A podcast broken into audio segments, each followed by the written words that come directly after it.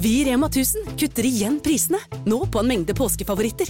Du får for eksempel minst 25% priskutt på appelsiner i løsvekt, familiepakning med vaffelmiks fra Toro, tipakk Rieger kakao fra Freia og andre påskefavoritter.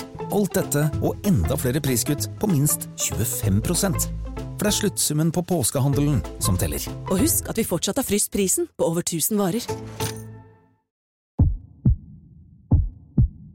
Otto og Anne tar pulsen på landet. Ja, det gjør vi. Jeg heter Otto Jespersen, og hva var det du het igjen? Jeg heter Anne Grosvold, og hver uke har vi med oss en interessant gjest. Det har vi. Otto og Anne tar pulsen på landet, hører du der du hører podkast. En podkast fra Podplay. Ready? You have the cameras rolling? He was hosting boozy parties in Downing Street. But when the president does it, that means that it is not illegal. I have a dream. We will win this election and we will change the country together. Human rights are not a luxury that can be left until we find a solution to the world's other problems. Velkommen.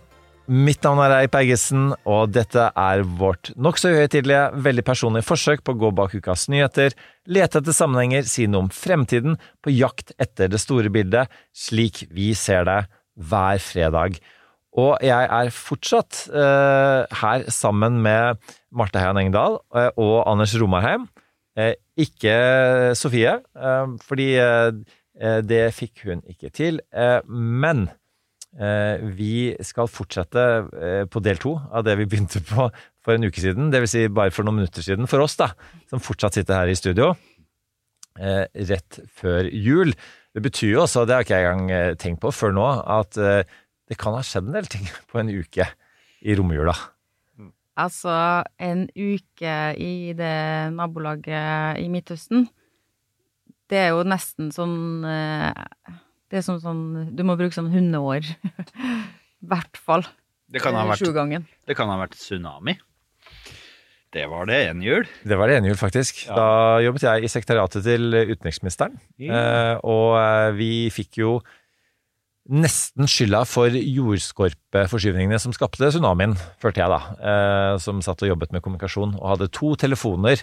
Eh, altså en telefon på hvert øre i var det fire uker da eh, det holdt på. Eh, det var eh, Det var litt av en tid. Og da sa Kristin Halvorsen, som da var SV-leder, at UD måtte garantere at nordmenn kunne sove trygt om natten i utlandet. Og gitt at ingen politikere kan garantere at nordmenn i Norge kan sove trygt om natten, så føltes det også ganske urimelig sånn i ettertid. Mm. Der og da også, for øvrig. Men det var litt den stemningen det var den gangen. og og heldigvis så har eh, UD forbedret beredskapen sin ja. eh, siden den gangen, eh, og jeg fikk være med på det. Og det var, eh, det var veldig tilfredsstillende. Det var ikke veldig tilfredsstillende å være i den situasjonen, og at man da med altfor få ressurser skulle hjelpe nordmenn i utlandet. Så jeg håper at og det, og det, Men dessverre også, så én ting er naturkatastrofer, men vi ser jo faktisk også at i høytider så skjer det en del ting mm. sikkerhetspolitisk. Mm. Fordi at uh, folk vet at da er nyhetsbildet der for å gripes. Mm. Ja. Jeg Hva en som har skjedd i den uka som har gått siden vi snakka, så predikerte jeg det som skjedde i romjula. Ja. Det, det, vil jeg gjerne bare ha. Nå får vi jeg kaffe. Jeg tipper det kommer kaffe snart. Nå kommer det kaffe. og, og, nå, tekniker Bendik, så er du på lufta. ja, for vi tenkte at vi, vi trenger jo kaffe. Nå er det koselig her. Eh, og, og, og, det er jo det, Er ikke det greit i vår podd at det Jo, det er jo helt greit, det. At, at, folk tar del i at det blir servert kaffe? Ja. At er, de er, vi er litt sånn bak kulissene på poden. Vi har snakka om så mye forferdelig, så vi, vi trenger kaffe også. Ja. Um, så, men, så nå er, du, nå er, du, endelig med i programmet, Bendik. Ja, for første gang. For første gang. Du har jo, du har jo vært bak kulissene hele tiden. Det har jeg. Og det er en viktig rolle du spiller. Fordi hver gang dere lener dere liksom vekk fra mikrofonen fordi dere er så engasjerte, mm. så fikser Bendik det sånn at det høres ut som uh, Takk for kaffen. Uh, det, ja, dere har fulgt mine instruksjoner hele veien. Men ikke nå. Nå beveger jeg meg fram og tilbake, og han står her. Ja, men dette kommer han til å ordne. Dette er ingen problem. Det, han har jo hele juleferien på seg, vet du. Takk skal du ha, Bendik. Anders. For det er jo lenge til det her skal på lufta. Det er sant, det. Da avbrøt vi et viktig resonnement, eh, Anders. Du skulle skryte av at du tok rett på et eller annet tidspunkt i Nei. verdenshistorien. Nei, jeg skulle ikke det. Jeg skulle tøyse med at eh, hvis det har skjedd noe i romjula, eh, så må jo vi ha forutsett det, vi tre som satt her. Ja, sånn, ja. Så det var ikke noe, det var ikke noe mer enn det. Eh, eh, men eh, hele norsk krisehåndtering, for å ta et sånt lite sidespor her, eh, blei jo i praksis eh, omkalfatret etter tsunamiskandalen. UD kasta ut sitt situasjonssenter i toppen av eh, bygningen sin, eh, der de hadde liksom sånn som man skulle ha når man skulle følge med på Irak-krigen. Og så ble det call-senter, og der filma man alltid fra det vet kommunikasjonsfolka, når det liksom var eh, kriser i utlandet, så man hadde et sted å ringe og kunne snakke med UD. Og, og man oppretta regjeringens krisestøtteenhet. Det, det skjedde ganske mye eh, på begynnelsen av 2000-tallet med tsunamien eh, og 9-11 og etter hvert Irak-krigen, som gjorde at man begynte å tenke litt annerledes om, om hvordan man skal møte kriser i utlandet. Men du er jo stort sett eh, for deg sjøl, da, til, eh, til noen fra UD klarer å sette opp et fly eller noe sånt. Det, det var jo tilfellet nå i høst mange som ville ut, eh, fra, spesielt fra Gaza, men også fra bare Israel og, og, og, og der, og, og, sleit med å komme seg hjem. Så det, det, det der er veldig vanskelig, og det er utakknemlig arbeid. Eh, det, det har du eh, opplevd sjøl, skjønner jeg. Tell me about it. Og det er klart at eh, UD har et åpenbart ansvar for nordmenns interesser i utlandet, og ikke minst i krisetider. Og, ja, du nevner dette med, å, å fly de hjem. Ja. Men det å hindre at nordmenn kommer i, havner i problemer i utlandet, er, ikke alltid like lett. Og altså det, Men det hele kulminerte litt eh, rett etter det, da, da UD var i gang med disse her eh, alt fra callsenteret til eh, sånn eh, kriserom da, med masse skjermer videre. Da tar man selvfølgelig komfolkene tar med seg journalister inn, så de får tatt bilde av det rommet med mange skjermer og mange PC-er. Yes. Og folk som jobber flittig, og ikke lenger bare det lille hjørnekontoret hvor det satt én person og nærmest med en fasttelefon Ja. prata med folk. Så, så det hjalp. Eh, Men, men eh, nei, det var en kar som eh, nordmann som klatret opp på Mount Everest. Han kom seg hadde helt opp på toppen, og han skulle gjøre det uten oksygen, for det var jo sånn eh, rekordforsøk av noe slag. Eh, Mislyktes med det. Viste seg at han ikke hadde tegnet eh, eh, livsforsikring, eller heller altså helseforsikring, reiseforsikring. Enhver type relevant forsikring. Mm. Eh, og, og, og hans eh, folk mente at eh, UD måtte komme opp på det fjellet Mm. og hente han hjem. Eh, og, de, og da var, var en del i den norske befolkningen, kanskje til og med Kristin Halvorsen også, sånn at ja, kanskje vi skal Kanskje ikke det er beste måten å bruke skattebetalernes penger på. At folk må skaffe seg en viss personlig beredskap også i bunn. Mm. Og det, altså, da Kabul falt, så skulle jo folk ut, og UD var involvert i å satte opp Shop de i et kott på eh, flyplassen der, og, og, og, fikk, eh, fikk hjem støttespillere og, og, norske folk osv. så videre. Så det, eh, den typen eh, redningsaksjoner, eh, de, de, er ganske viktige. Og det illustrerer et litt større poeng som vi ofte ikke tenker på. Når norske interesser rammes, så rammes de oftere utenfor Norge enn i Norge. Og seilingsmønstrene rundt Houthi-milits og missiler i Rødehavet er en del av dette. Norsk shipping møter det ute. Norsk olje og gass møtte det. innen Amenas-angrepet. Kabul, norsk utenrikstjeneste og bare incidenter som da ambassaden i Damaskus ble storma under karikaturstriden. Det er oftere vi rammes utenfor våre grenser enn eh, innafor våre egne territorialgrenser. Sjøl om det er påvirkning og den typen styggedom vi har snakka om før, som, som, som beveger seg litt da, i, i, i, i det offentlige ordskiftet vårt. Dette er jo en pod som jo ikke bare er en utenrikspod, men det handler om Norge i verden, gitt at verden er eh, Lars Korvald sa at Norge er et lite land i verden. Nå er Norge et land i en liten verden. altså Vi, er, vi kommer tettere og tettere på verden rundt oss. Vi snakket om det i forrige episode, om hvordan eh, sosiale medier er med å bidra til det, for at vi blir oppdatert på det som skjer i verden hele tiden. Men hvis vi, før vi da eh, går til Ukraina og til USA spesielt, altså norske interesser i seg selv da, i, i verden, Eh, hva eh, Ja, og nå snakker vi om det, hvordan vi kan bli involvert i altså, eh, terror, krigslignende tilstander, kanskje uten engang å ha en rolle i det. Eh, Vi snakket eh, akkurat i stad om natur, naturkatastrofe. Men hva, hvis vi ser på sånn, hva er, er Norges utenrikspolitiske interesser eh, i våre dager, hvordan best forvalter vi det? Eh, Anders, det er jo klassisk statsvitermat. Ja, det var vanskelig, men, men eh, da jeg satt og hørte hvordan du argumenterte nå, så liksom bare dinga det et ord i hodet mitt, og det var oljefondet. Og tenke, altså, internasjonale kriser opp og ned. eh, eh, Vår, vår ve og vel, eh, statsfinansene til Norge, vår velstand, er jo tufta nå i internasjonale finansmarkeder. Sånn at eh, den nye olja er egentlig oljefondet og aksjene vi, vi kjøper og selger der, og de astronomiske summene som, som eh, i hovedsak går inn. I nedgangstider går de ned, men da kjøper vi billige aksjer, og så bare uh, smeller det opp igjen. Og så har vi jo da vår rolle som sjøfartsnasjon, og fremfor alt uh, oljenasjon, uh, som på en måte er ja, the basics av norske interesser. Vi har en tradisjon for å være eh, fredsetablerende, eh, med Noref og andre i spissen. Selvfølgelig norsk UD. Engasjementspolitikken er viktig for Norge, men det internasjonale systemet preges mer av konflikt enn samarbeid. Og Martes appell her om at vi må ha mer diplomati og mer fred og mer våpenhviler. Det er jo Jeg, jeg følte så Stikker disse våpenhvilene i, som en tripod i buken på meg nå. Eh, Jeg vil også ha fred. Eh, Jeg har kanskje bare en mer realpolitisk, eh, dyster eh, anslag til det. Ja, Og- krig er fred. Nei, Våpen gir makt. ikke orwelliansk. Ikke orwelliansk, Nei, men jeg tuller med deg. Jeg vet Ja. at du vil ha fred. Ja, eh, men fred på eh, Fred må ikke komme på aggressors premisser. Det er, det er der, der, der kanskje der Jeg tror ikke vi er uenige om det, men det er min presisering av, av den, eh, den fine outroen som eh, Marte ga oss på den forrige.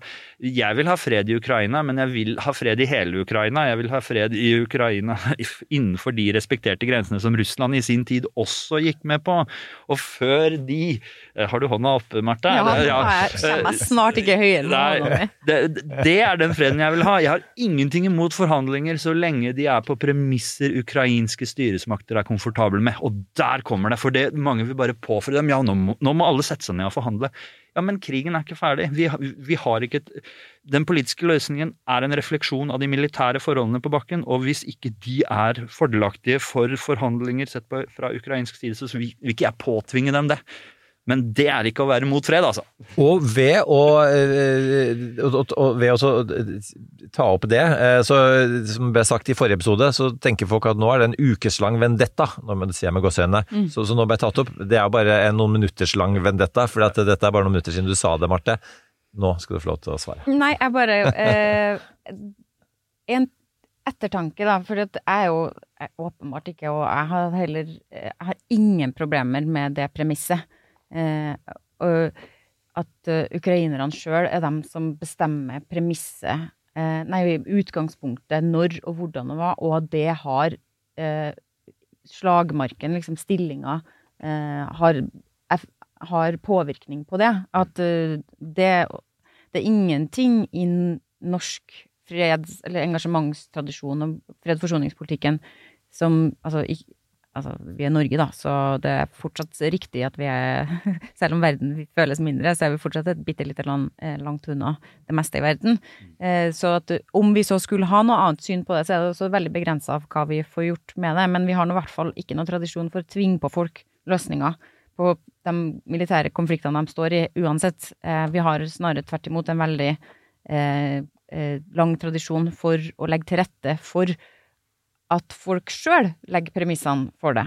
Og mitt eh, eh, hva skal vi si, hjertesukk eh, i forrige episode, da.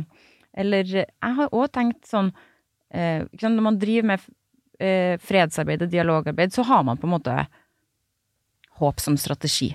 Ikke fordi at du tror at du kan få til noe helt fantastisk som ingen andre kan få til, men du jobber veldig langsiktig med å prøve å eh, stable eh, stokkene, sånn at den dagen eh, det er mulig, så finnes det et forhandlingsbord. Eh, og at den dagen vil komme. Problemet med eh, når debatten på en måte. Når det blir Overvekten av samtalen handler om, krigen, om krigens virkemidler, og at eh, også at ukrainske ledelsen og den israelske ledelsen for i, det, i den andre krigen vi snakker om i, i hovedsak her nå, da må eh, eh, på en måte framholde krigens budskap, for den legitimerer, ikke sant, det man gjør. Eh, det som skjer da, er jo at veien tilbake med å få med seg folk eh, på et kompromiss igjen, blir vanskeligere. Det er det som er dilemmaet med det. Så jeg spurte meg sjøl veldig mange ganger er det sånn at jeg, hvis jeg tenker at en annen uh, at andre virkemidler er vel så effektive, tar jeg til orde for at den svake part, eller at Ukraina her, som er angrepet, ikke skal få uh, altså Er det noe feil med det utgangspunktet? Det er, nå er det sånn confession time her eh, på nyttårspodden. Uh, altså er det, noe, er det noe grunnleggende feil med å ta det utgangspunktet? Fordi er, liksom, ligger det i det Er det noe jeg ikke skjønner? Nå er det tid for krig. Da må vi ikke snakke om fred. Problemet med at når det er tid for krig, og det ikke blir mulig å snakke om fred, er jo at du da ikke eh, Du snakker din egen befolkning stadig lenger mindre kompromissvillig. For jo mer du kriger, jo mer har du tapt, jo mer har du investert, jo flere folk har du mista, og så videre og så. Så jeg tror det at Argumentet er vel bare at det kanskje Jeg skjønner at ikke det kan foregå i offentligheten, og vi har nå hatt noen eksempler eh, i Arendalsuka, blant annet av sånne prøveballonger som ikke egner seg så godt med å prøve å liksom eh, diskutere det her i full offentlighet, men det burde i kulissene hele tida være en parallell samtale eh, om hva det er som skal til, hva er det som skal muliggjøre at man, når man stopper krigen, for alle kriger stopper på et tidspunkt, men hvis der er det forskjell på hva vi får høre i offentligheten, og hva som foregår på bakgrunnen jeg kan bare, bare nevne den, det eksempelet fra Arendal? Det, Natos stabssjef Stian Jensen, uh, han, eh, det, det er jo det du sikter til. Jeg tror han uttalte seg under Chatham House Rule, Ja. Uh, og det er jo helt grusomt at den kunne brytes ved et så trivelig sted som Bare i Arendal. Minne oss på hva han faktisk sa, Anders. Ja, ja, han, eh, han åpna jo for fredsforhandlinger eh, og, og territorielle og kompromiss vel det territorielle liksom kompromiss. det vonde punktet. Ja. Eh, mange, det, det var ikke det riktige av han å si i den settingen.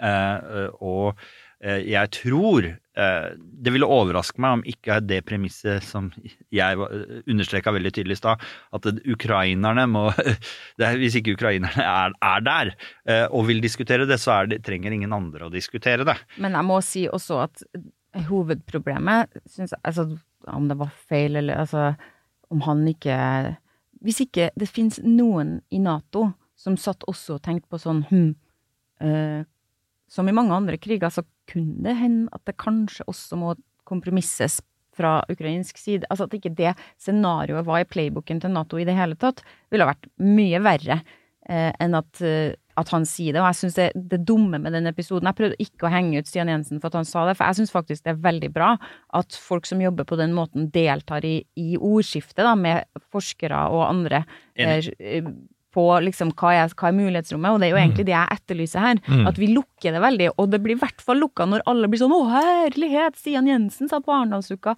og Mm. guri malla. Og det er sånn det, Vi lukker for mange av de alternative, liksom ulike scenarioer. For det kunne hende at vi diskuterer og sier sånn Nei, da har vi diskutert gjennom det. Territorielt kompromiss er faktisk utelukkende bare negative konsekvenser, ikke bare for Ukraina, men for selvstendige små nasjoner eh, i hele Europa.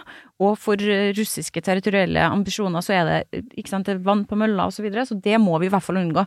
Men det er liksom det at det, eh, det, det har vært et debattklima der man stenger den diskusjonen med en gang. Det er det jeg Ja. reagerer på. Eh, Jeg er delvis enig, men det er jo deilig at vi kan være litt uenige om noe av dette her. Det er meningen. tid Det er for krig. debatt. Når er det tid for krig? Eh, Det er alltid tid for forsvarskrig for noen som prøver å utslette landet ditt. Eh, Det var ikke feil noe tidspunkt under annen verdenskrig å drive motstandskamp og sabotasjehandlinger. Eh, Sånn at jeg har ingen problemer med Martes ønske om at vi skal kanskje ha to tanker i hodet samtidig. Men her er vi òg inne på det der med at det er en forskjell på Gaza-krigen og Ukraina-konflikten. For i Ukraina er det en storstilt aggresjon og en invaderende territoriell krig. I, og, og Ukraina forsvarer seg. Og da, da skal de ikke slutte med det. eh, Og, og du trenger egentlig ikke å bygge en kompromissvilje underveis hvis du vet alt territoriet du ønsker tilbake. Men du må over i et diplomatisk spor, du må over i et politisk spor eh, en eller annen gang. Og der er vi helt på linje at det er en refleksjon av den militære situasjonen på bakken da forhandlingene starter. Og fram til da så må du kjempe for hver kvadratmeter av ditt territorium. Og og vi skal straks snakke litt om både utviklingen videre og kanskje til og med en type sånne endemål eh, i Ukraina-krigen. Men for det, dere har, altså dere la oss bare oppklare det. Dere har altså vært kullinger på Forsvarets høgskole. Det har Stemmer. Eh, hvor lenge siden er det? Det er eh, ni måneder siden. Ja. Ja, vi- var, var det apropos Chatham House Rules og, og lunsjprat? Var, var, det no, var det litt av dette da? Altså det er jo Det kan dessverre ikke si noe om, for det var streng Chatham House rule eh, på hele Nei, men det er jo eh, eh, Forsvarets sjefskurs, som er det vi refererer til her, Mm. er jo en eh, institusjon som det norske forsvaret eh, har etablert, vi var da eh, kull nummer 28. Det beste kullet noensinne. Ja, det sier jo alle, eh, ikke sant? Og det er jo eh, bare bevise én en eneste ting, er at Forsvaret har greid å lage en vanvittig effektiv propagandamaskin, der alle sammen eh, som dunker ut der og krever 2% av eh, budsjettet, som må være gulvet til forsvarsinvesteringene våre, ikke taket, og man kommer ut og tenker vi er det beste kullet, og man har bygd den her eh, leirskolefølelsen eh, over tre måneder. Så det er eh, Alle sammen tror de er de beste, men de som faktisk er, har lykkes mest, da, er det norske forsvaret, som har lagd hele det kurset, er min eh, Hvis, hvis, hvis, jeg skal, hvis jeg skal snu, snu på det bare, da, eh, Marte. Fordi, eh, fordi no, det vi egentlig snakker om nå, er på en måte hvor mye skal man både legge vekt på på, på, på, på krigføring, hvor mye skal man legge vekt på, på fredssamtaler. og så vet, så har du på en fin måte, um, Anders dere begge snakka om vi må gjøre begge deler, da. Men kunne du ha jobbet på PRIO, eh, Marte, eh, altså som er da Peace Research Institute Oslo. Kunne ikke PRIO lagd et sånn sjefskurs hvor, hvor eh, også folk som Folk som Anders, sorry. Militære, da. Eh, eh, og du er militæranalytiker. Men, men hva, eh, tok en, en sånn seks måneders greie i fred. Hvordan man bygger fred. Altså kunne fredsbevegelsen svart um, eh, Forsvarets høgskole med noe lignende? Og, og hvorfor ikke? To ting å si om det er at man kunne jo definitivt hatt eh, mere eh, liksom det, du, du trengte ikke å ha et konkurrerende kurs for å ha en større, et større avtrykk av engasjementspolitikken Norge og fred- og forsoningsporteføljen vår som et, ett av flere norske virkemiddel i vår sikkerhets- og utenrikspolitikk. Som jeg er sikker på at dere også prater om på Forsvarets eh, sjefskurs. Jo, men det er jo, ikke sant, det er jo et, et, eh, et kurs som ikke som har norsk forsvars- og utenrikspolitikk og sikkerhetspolitikk som hovedfokus, og da, man kan godt uh, si at man kunne hatt et større avtrykk av den, den biten av norsk utenrikspolitikk i det kurset.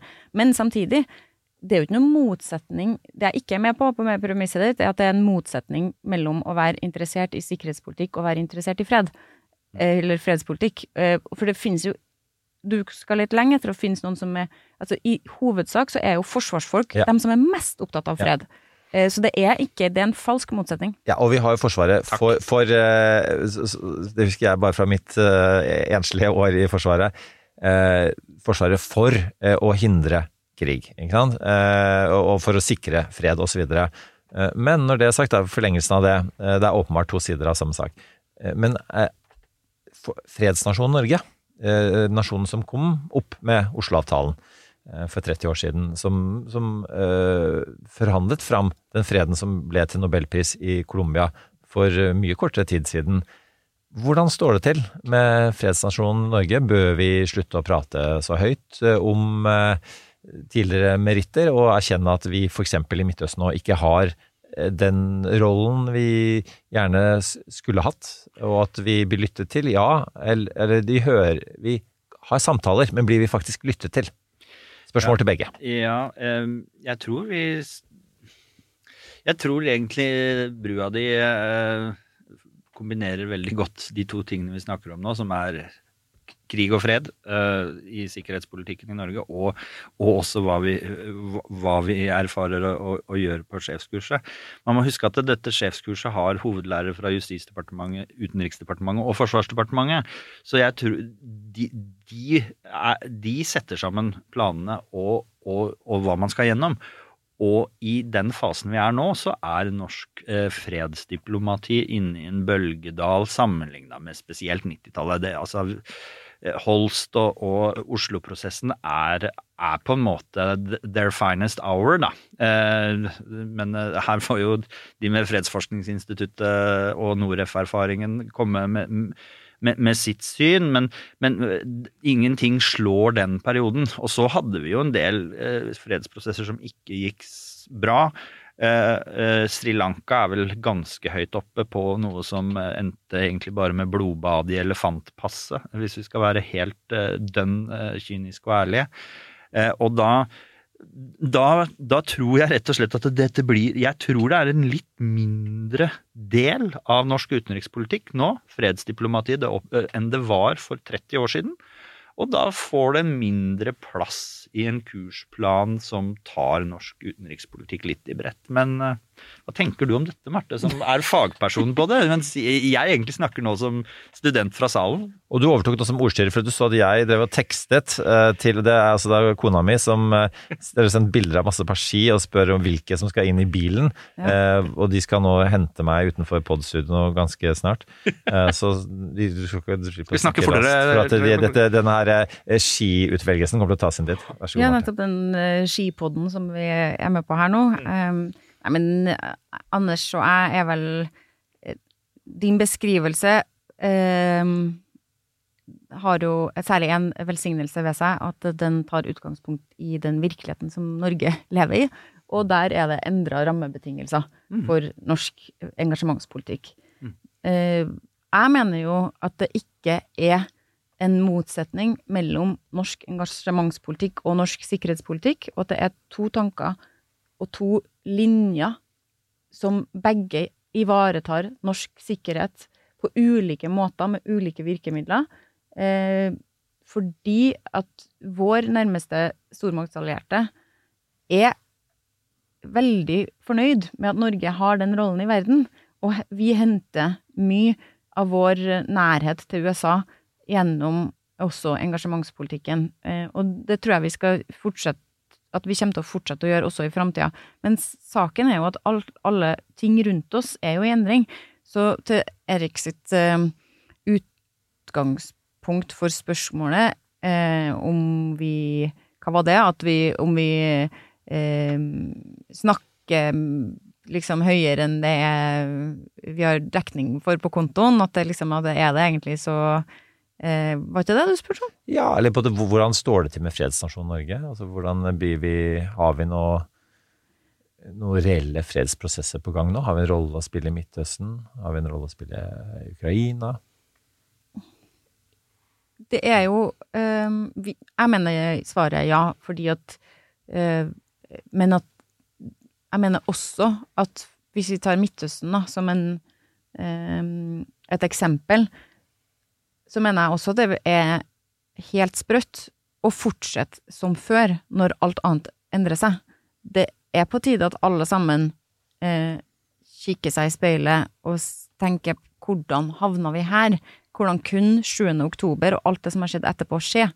Har, er det noe som kunne vært gjort annerledes? Og det inkluderer jo Norge. Den norske rollen burde også være opp til diskusjon. Ikke sånn dermed skal vi trekke oss fra verden. For jeg tror det er veldig sånn Det som er skummelt med når man begynner å si sånn la oss diskutere den norske rollen Mitt argument er absolutt ikke at vi skal engasjere oss mindre, eller at Men når alt går opp i flammer, er det ikke da et bra tidspunkt å si sånn Er det noe vi kunne ha gjort annerledes? Det er en, etter mitt skjønn en ganske ufarlig og veldig naturlig eh, diskusjon å ta.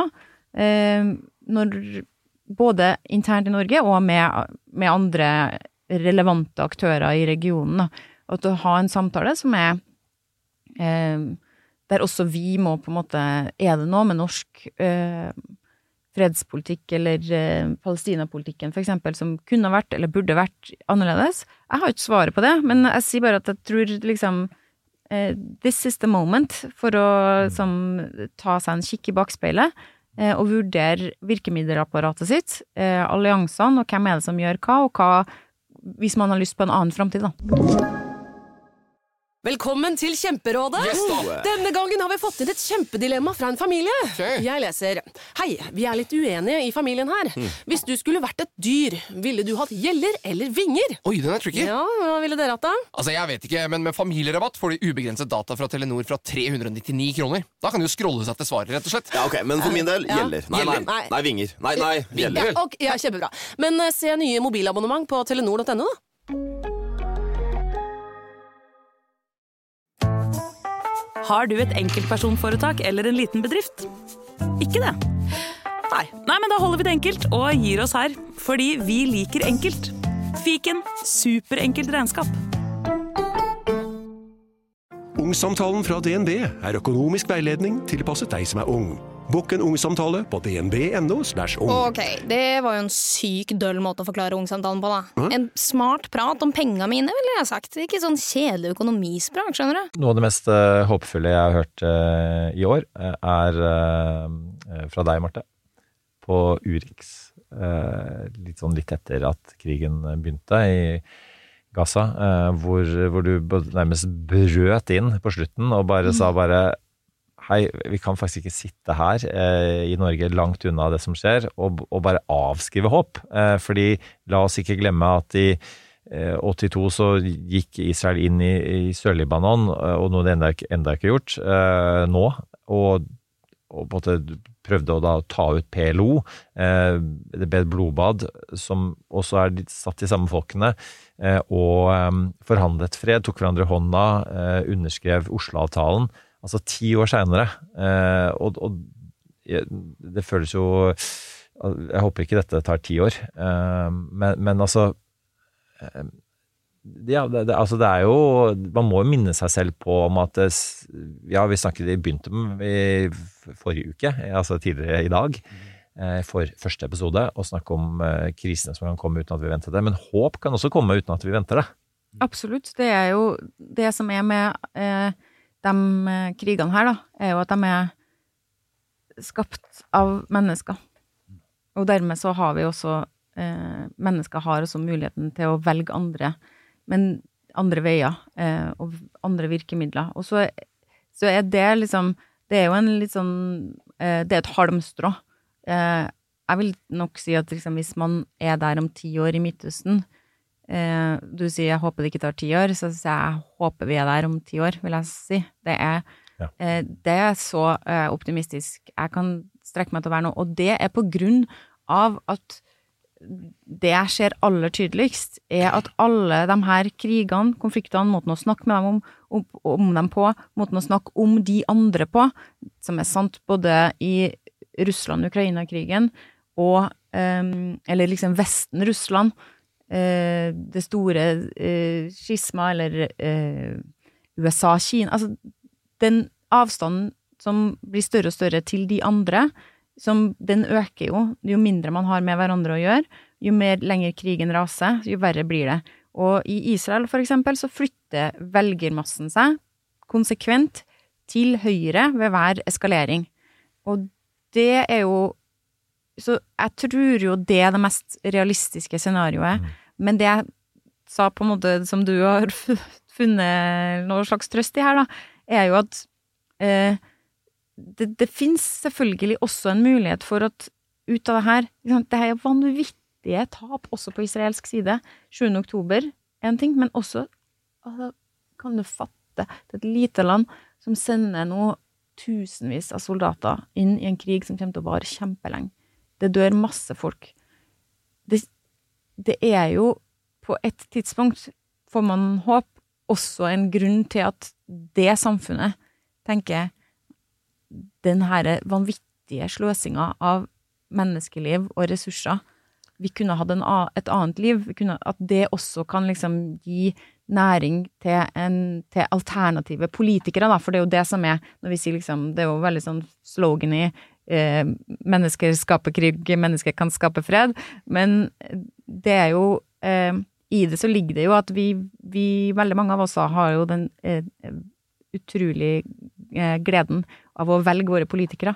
Vi kan jo, alle de plassene som har lov til det, eh, kan jo da mm, forhåpentligvis velge politikere som også har eh, andre Ja, som, som setter eh, kompromiss og dialog som ikke er negative ting.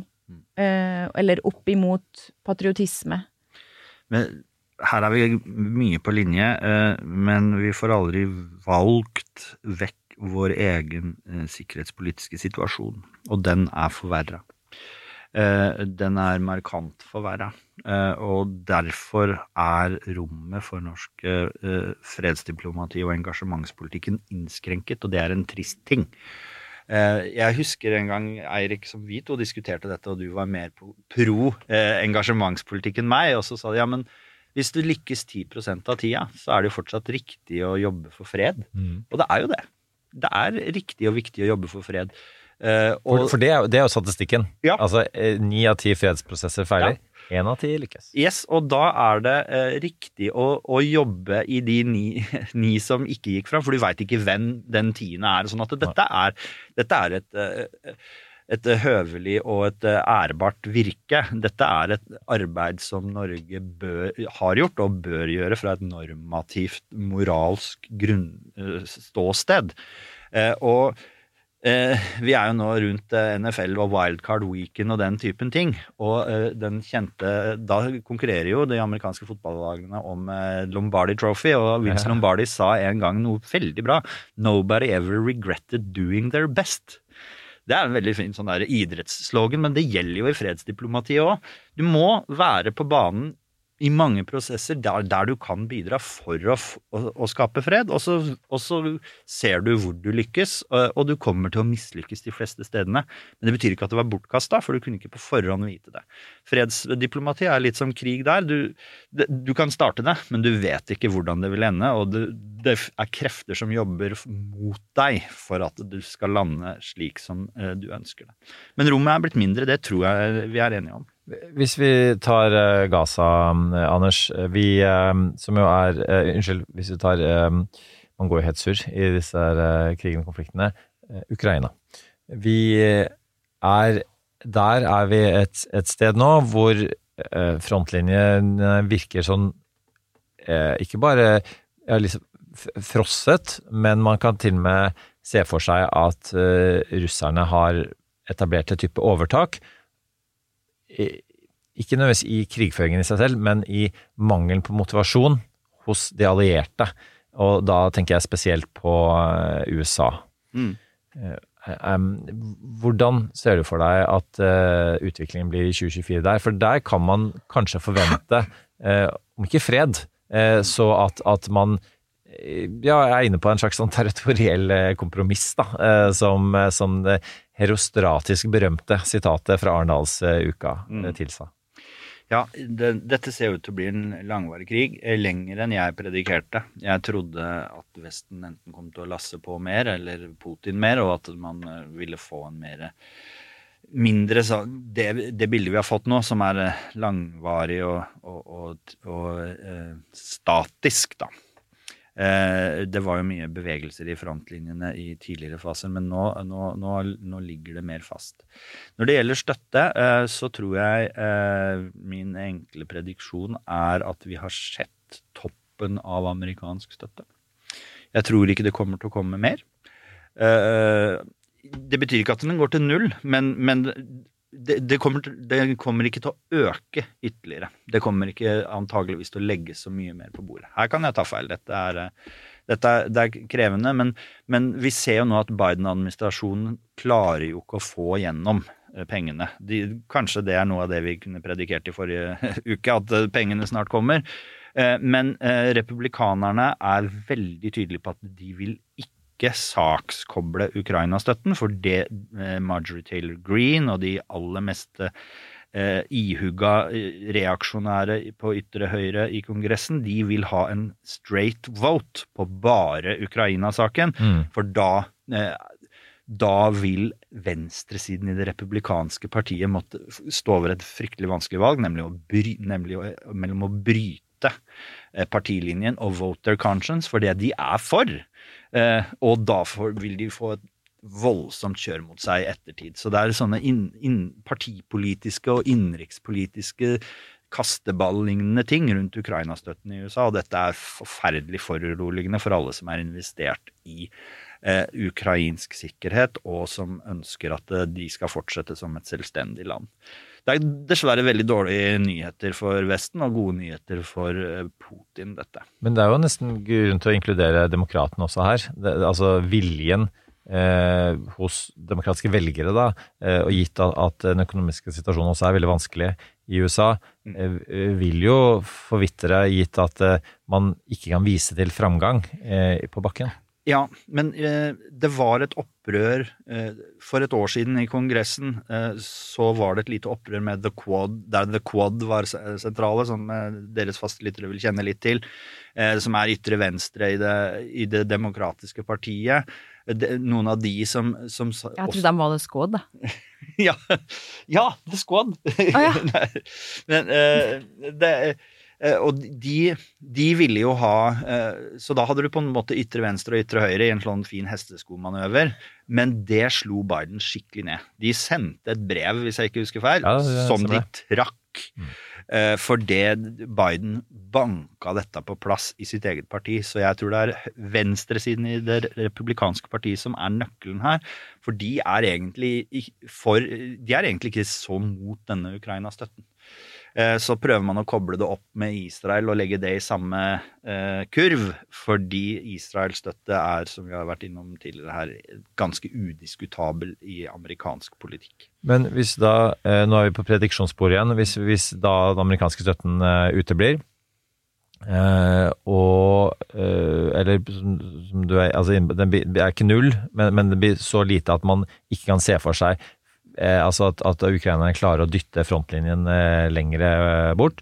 Eh, og de facto vil da eh, Russland være eh, ha tatt noe sånt som 20 av Ukraina.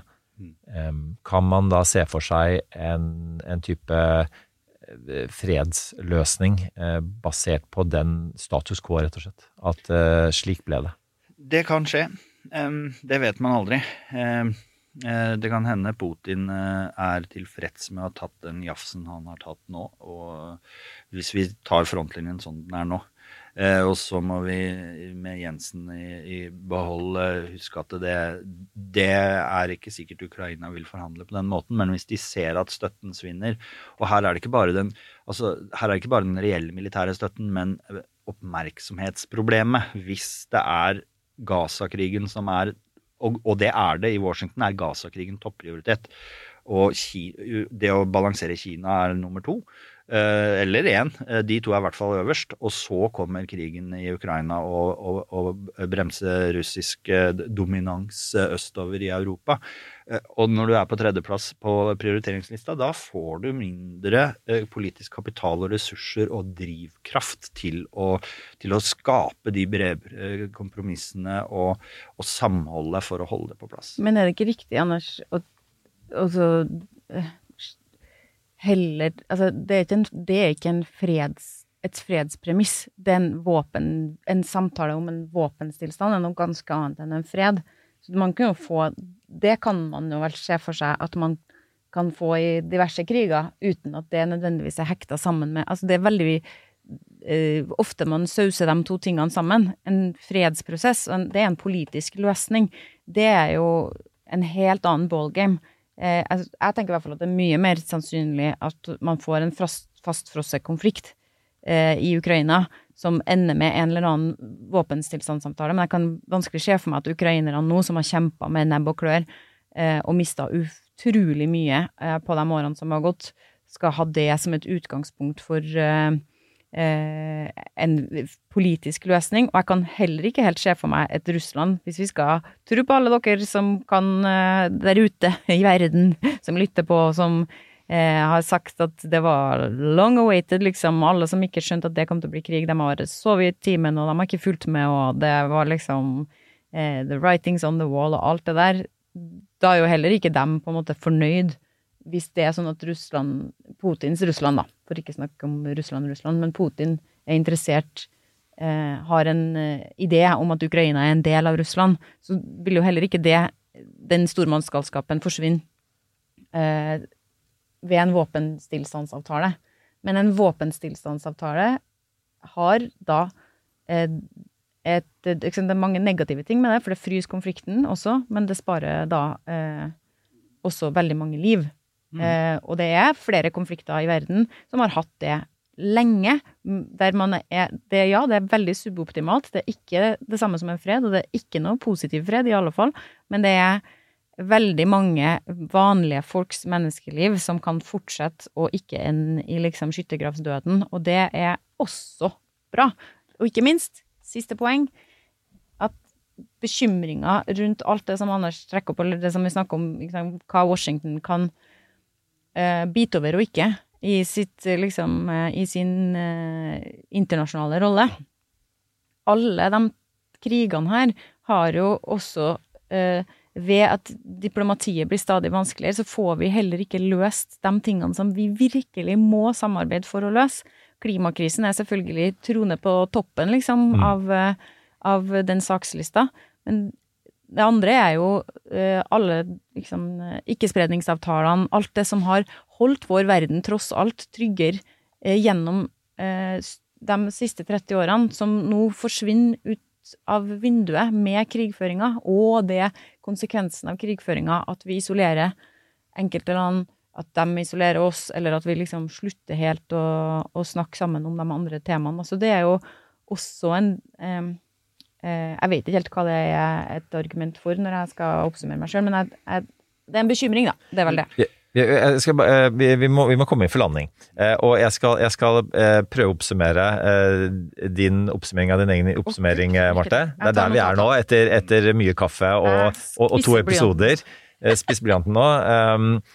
Vi Altså, 'perfect is not on the menu', for å sitere en eller annen amerikaner. ja. Sikkert flere amerikanere, flere ganger. Um, og, og, sånn er det med, med, med fredsløsninger. og Eh, vi, og så, så, skal man Man kommer ikke til å være fornøyd, så kommer man begge parter til å selge inn at de er fornøyde, og at de fikk viljen sin, og, og, og sånn er, er det gamet. Um, og så uh, uh, kommer vi ikke i mål her i, i dag med, med hvordan, helt hvordan det kommer til å se ut. Men jeg tenkte bare å ta en liten runde på, på, på, USA, bare for å oppsummere litt det som faktisk har skjedd um, i uh, de siste dagene før vi spiller inn, som da er uh, en uke fram i tid. Uh, så det kan ha skjedd ting siden da. Men altså, fordi USA er jo nøkkelen til alle tingene vi snakker om. Vi er også i en situasjon nå hvor eh, republikanerne med sitt flertall i Representantenes hus har satt i gang riksrettsetterforskning mot Biden, som kan resultere i riksrett, men ikke trolig, eh, likevel skape masse bruduljer.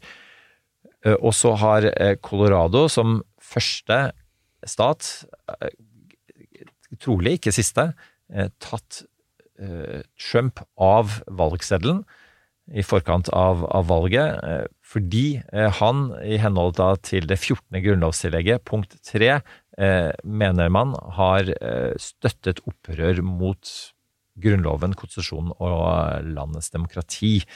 Og, og, og, så vil trolig utfallet av det bli, i hvert fall inntil videre, at at republikanerne vil anke dette her, eh, som gjør at det i seg selv per default så blir eh, Trump på eh, valgseddelen fortsatt.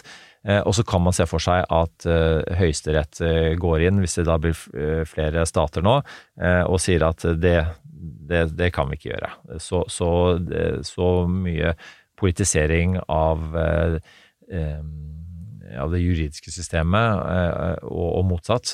Sånn kan vi ikke ha det. Og så får vi se hva utfallet blir. Men det er jo ingen tvil om at den loven i sin tid ble skrevet for å eh, hindre akkurat det som eh, Trump gjorde eh, eh, før, under og etter eh, 6. januar eh, opprøret. Men han er ikke dømt for det. Eh, Nei, så det. jeg tror dette blir reversert av Trumps høyesterettsdommere.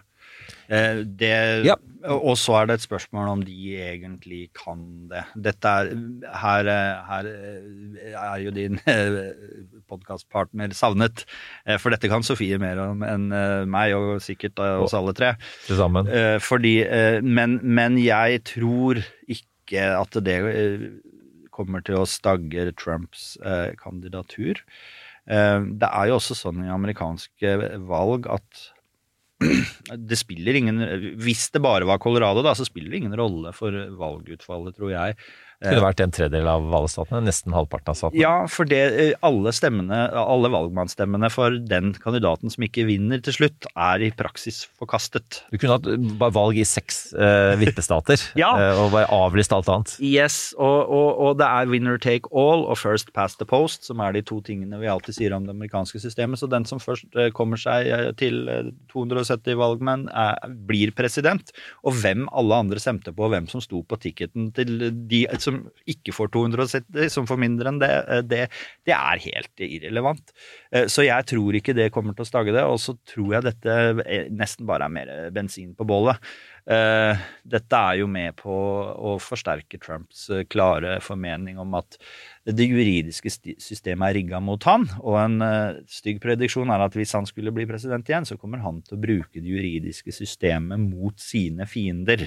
Eh, For det er sånn han oppfatter at det har blitt brukt mot han. Så hvorfor i alle dager skulle en mann med det moralske kompasset eller mangelen på det, som han har, ikke gjøre det eh, med en justisminister som er en nikkedokke av en annen kaliber enn de han brukte forrige gang? Og, og, men dette er jo også i Trumps eh, øverst, i Trumps redskapskasse, altså eh, å bruke, altså politisere rettsvesenet. Og dette gjorde han jo også før det ble brukt mot han, mm. blant annet ved å si 'lock her up' om eh, Hillary Clinton Nei. før han ble valgt som president. Eh, og, og så, så det er, er noen som bruker det, så er det han, og er det noen som taler med to tunger i ett og alt, så er det jo han. Mm. Men eh, Anders, eh, hvis vi avrunder den biten med å, å spørre deg, nå skal, du, nå skal du virkelig få predikere. Altså, først, blir det Biden og Trump mot hverandre, eller kan det komme andre kandidater? Jeg tror jo det. Eh, Jeg har i et halvt års tid sagt at var det valg i morgen, så ville det vært Biden mot Trump, og Trump ville trolig vunnet. Og det er flere grunner til at jeg er på det nå. Mye kan skje, eh, så det, det er greit. Men, men eh, per i dag så mener jeg styrkeforholdene ligger der. Eh, og så kommer en litt kontroversiell ting å si, som ikke alle liker så godt, men alder spiller en rolle. Biden er ikke fremstår lite vital. Han sliter med scenetrapper og flytrapper og alt mulig rart. Eh, han kommer til å få problemer med å gjennomføre en ordinær amerikansk valgkamp der du skal fly til tre stater i løpet av en dag og løpe rundt og være energisk overalt.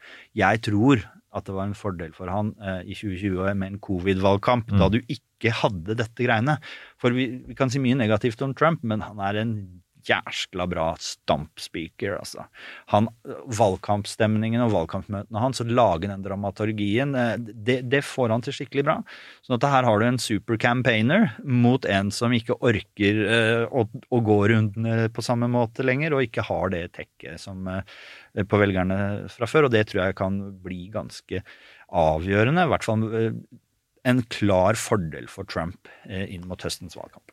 Jeg skal, jeg skal bare avrunde den med å si at eh, jeg tror at det avgjørende vil bli de rettssakene mot Trump. Og hvis f.eks. han blir dømt i en eller to av de som går på rett og slett at han prøver å stjele valget sist, eh, så kan, eh, vil velgerne da, når de for dette, dette vil ingen meningsmålinger kunne si noe om selv på valgdagen. Um, og det de ikke kan si noe om, er den følelsen velgeren har av å skulle putte valgcellene i urnen og tenke skal jeg stemme på en dømt kriminell, dømt fordi at han har prøvd å stjele valget, eller skal jeg stemme på en ganske gammel fyr.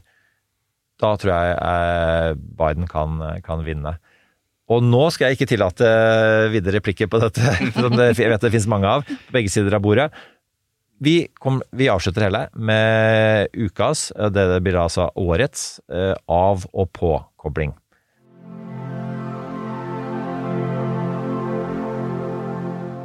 Film kan dere ikke, har dere sagt til meg. Nei, det ser ikke, dere leser bare bøker, tunge 18. bøker, og hører på Dagsnytt 18. Jeg anbefaler Dagsnytt 18. Det er en fem timer lang film som går hver uke. Det er, det er jeg, jeg ser ikke så mye på film, jeg. Det er en serie, er det ikke? Jo, ja, en serie, ja. Det er serie. Mange sesonger. En føljetong, en Ja. evigvarende, en perpetuum mobile, en Ja. evighetsmaskin. Mm. Men, altså, men altså- ser du ikke på TV heller, Anders? Jeg ser på nyheter og sport. Hvilke nyheter ser du på, Hvilken, bortsett fra TV 2? Å, du, jeg er blitt mer og mer glad i TV 2-nyhetene. Oi, spør hvorfor ja, ja, ja, nå skal vi passe oss litt her, men før så syns jeg NRK hadde et eh, mer tydelig grep om utenrikspolitikken.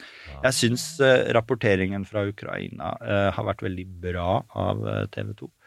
Eh, men eh, det er litt ulike uh, Kommer du til å savne norske tilstander? Ja, veldig. Takk for det, det, det sier seg sjøl. Det, det sier seg sjøl. Nei, jeg, jeg, jeg Så er gleder du deg til nye programformater som kommer Ja, ja, ja. på nyåret? Absolutt. absolutt. Godt å høre. Det, det er veldig bra. Sport og nyheter er, er mine greier. Marte? Nei, det er jo Jeg syns jo det er direkte pinlig å ikke kunne komme på en film, da, men det er liksom eh, Men jeg har tenkt eh, på det siden du spurte. Altså, eh, en eh, podkast som jeg pleier å høre på som for å koble av, det er vel det som er av, avkoblingen, det er um, en podkast Jeg tror det er NPR.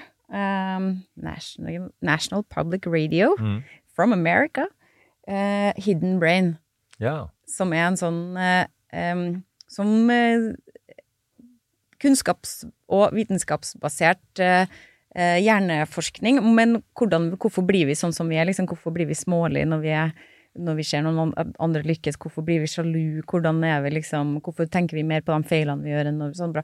Så det er liksom en artig eh, det er litt sånn selvhjelpspodkast, kanskje, men det, for meg er det veldig sånn eh, Jeg liker den veldig godt. Um, og hvis vi er på bok, så har jo jeg en um, sterk forkjærlighet for um, levd liv.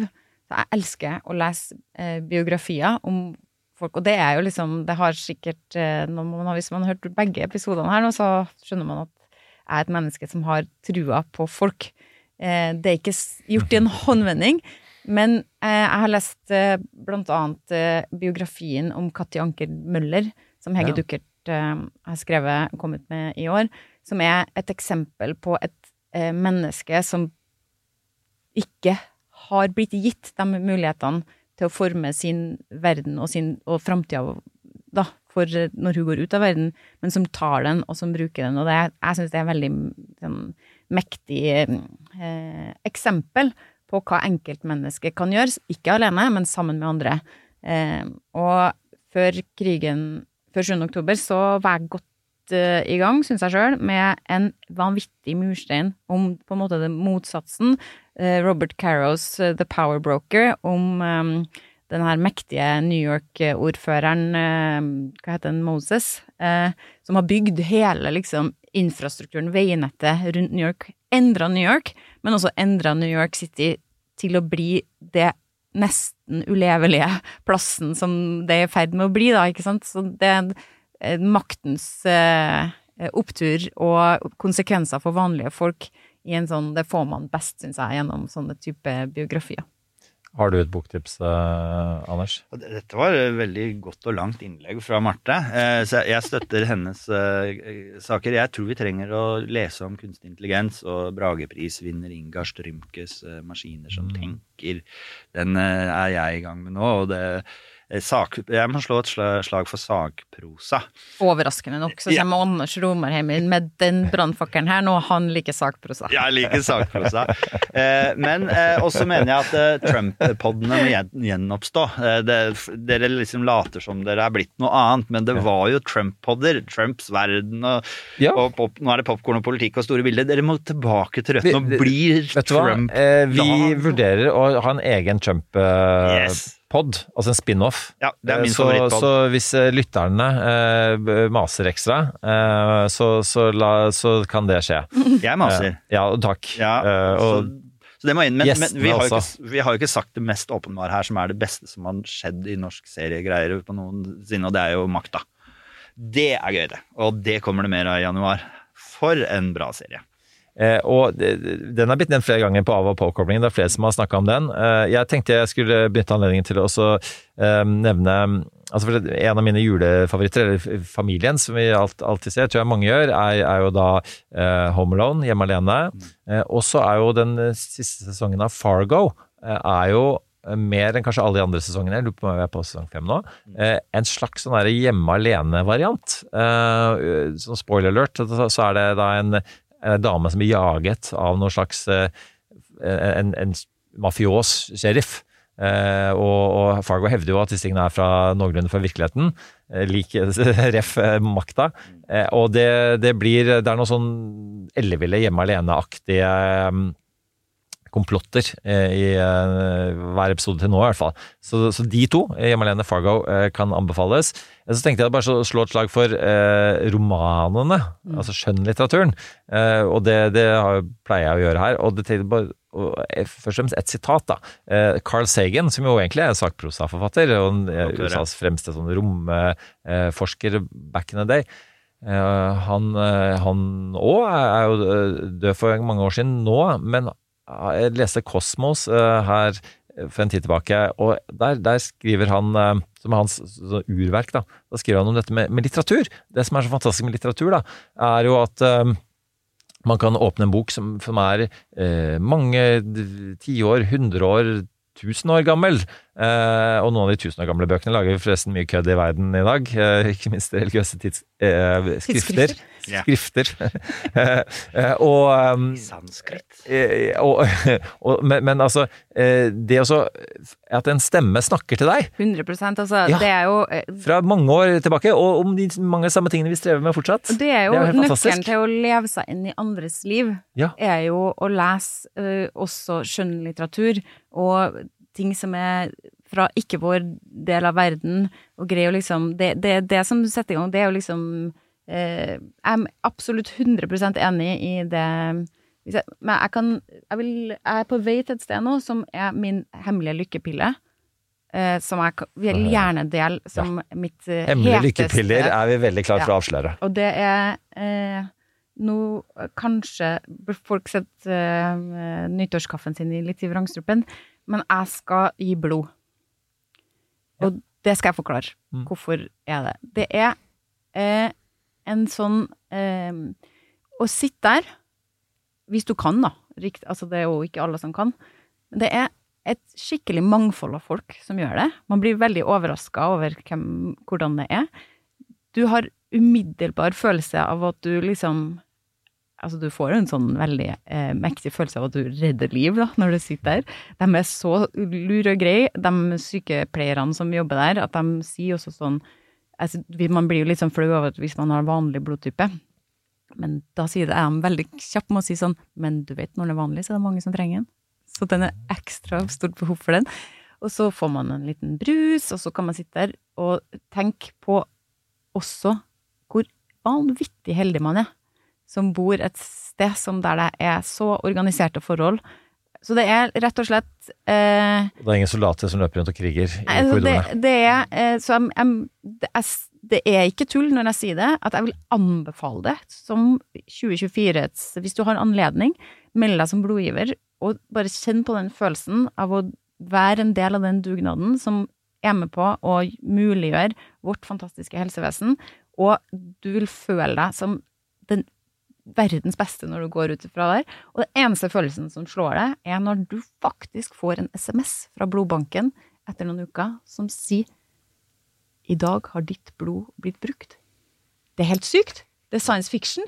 Da har du liksom virkelig Så de har knekt en uh, nøtt der på motivasjons eh, eh, for meg, i hvert fall. Så nå vil jeg bare dele den videre, og anbefale på det varmeste.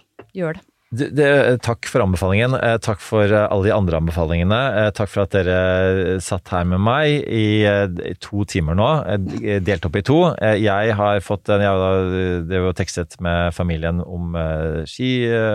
Eh, utvalg osv. Nå, jeg- altså. nå, nå, kan, nå må du komme av kona mi! Utropstegn. Eh, For de står og venter på en parkeringsplass like ved. Eh, Men, men også tusen takk for, til alle lytterne som har på en måte nytt- lyttet dere gjennom de to episodene her, og hele året med, med pod. Eh, Og jeg vet at dere har masse eh, bekymringer fortsatt. Vi har ikke klart å um, bilegge alt, eh, men derfor er det også et nytt år med pod. Så heng med også neste år, og så håper vi det blir litt bedre for oss alle. Med det, ha en flott 2024-feiring, i hvert fall. Og takk igjen, Marte og Anders, for at dere var med meg her i studio. Takk for invitasjonen. That's enough. Put down the mic. Du har hørt en podkast fra Podplay. En enklere måte å høre podkast på.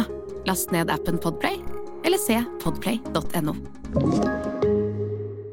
Kronemarked hos Bar. Nå har vi en mengde varer til 10 og 20 kroner. Hele denne uka får du løbiff fra Folkets før 54,90, nå kun 20 kroner.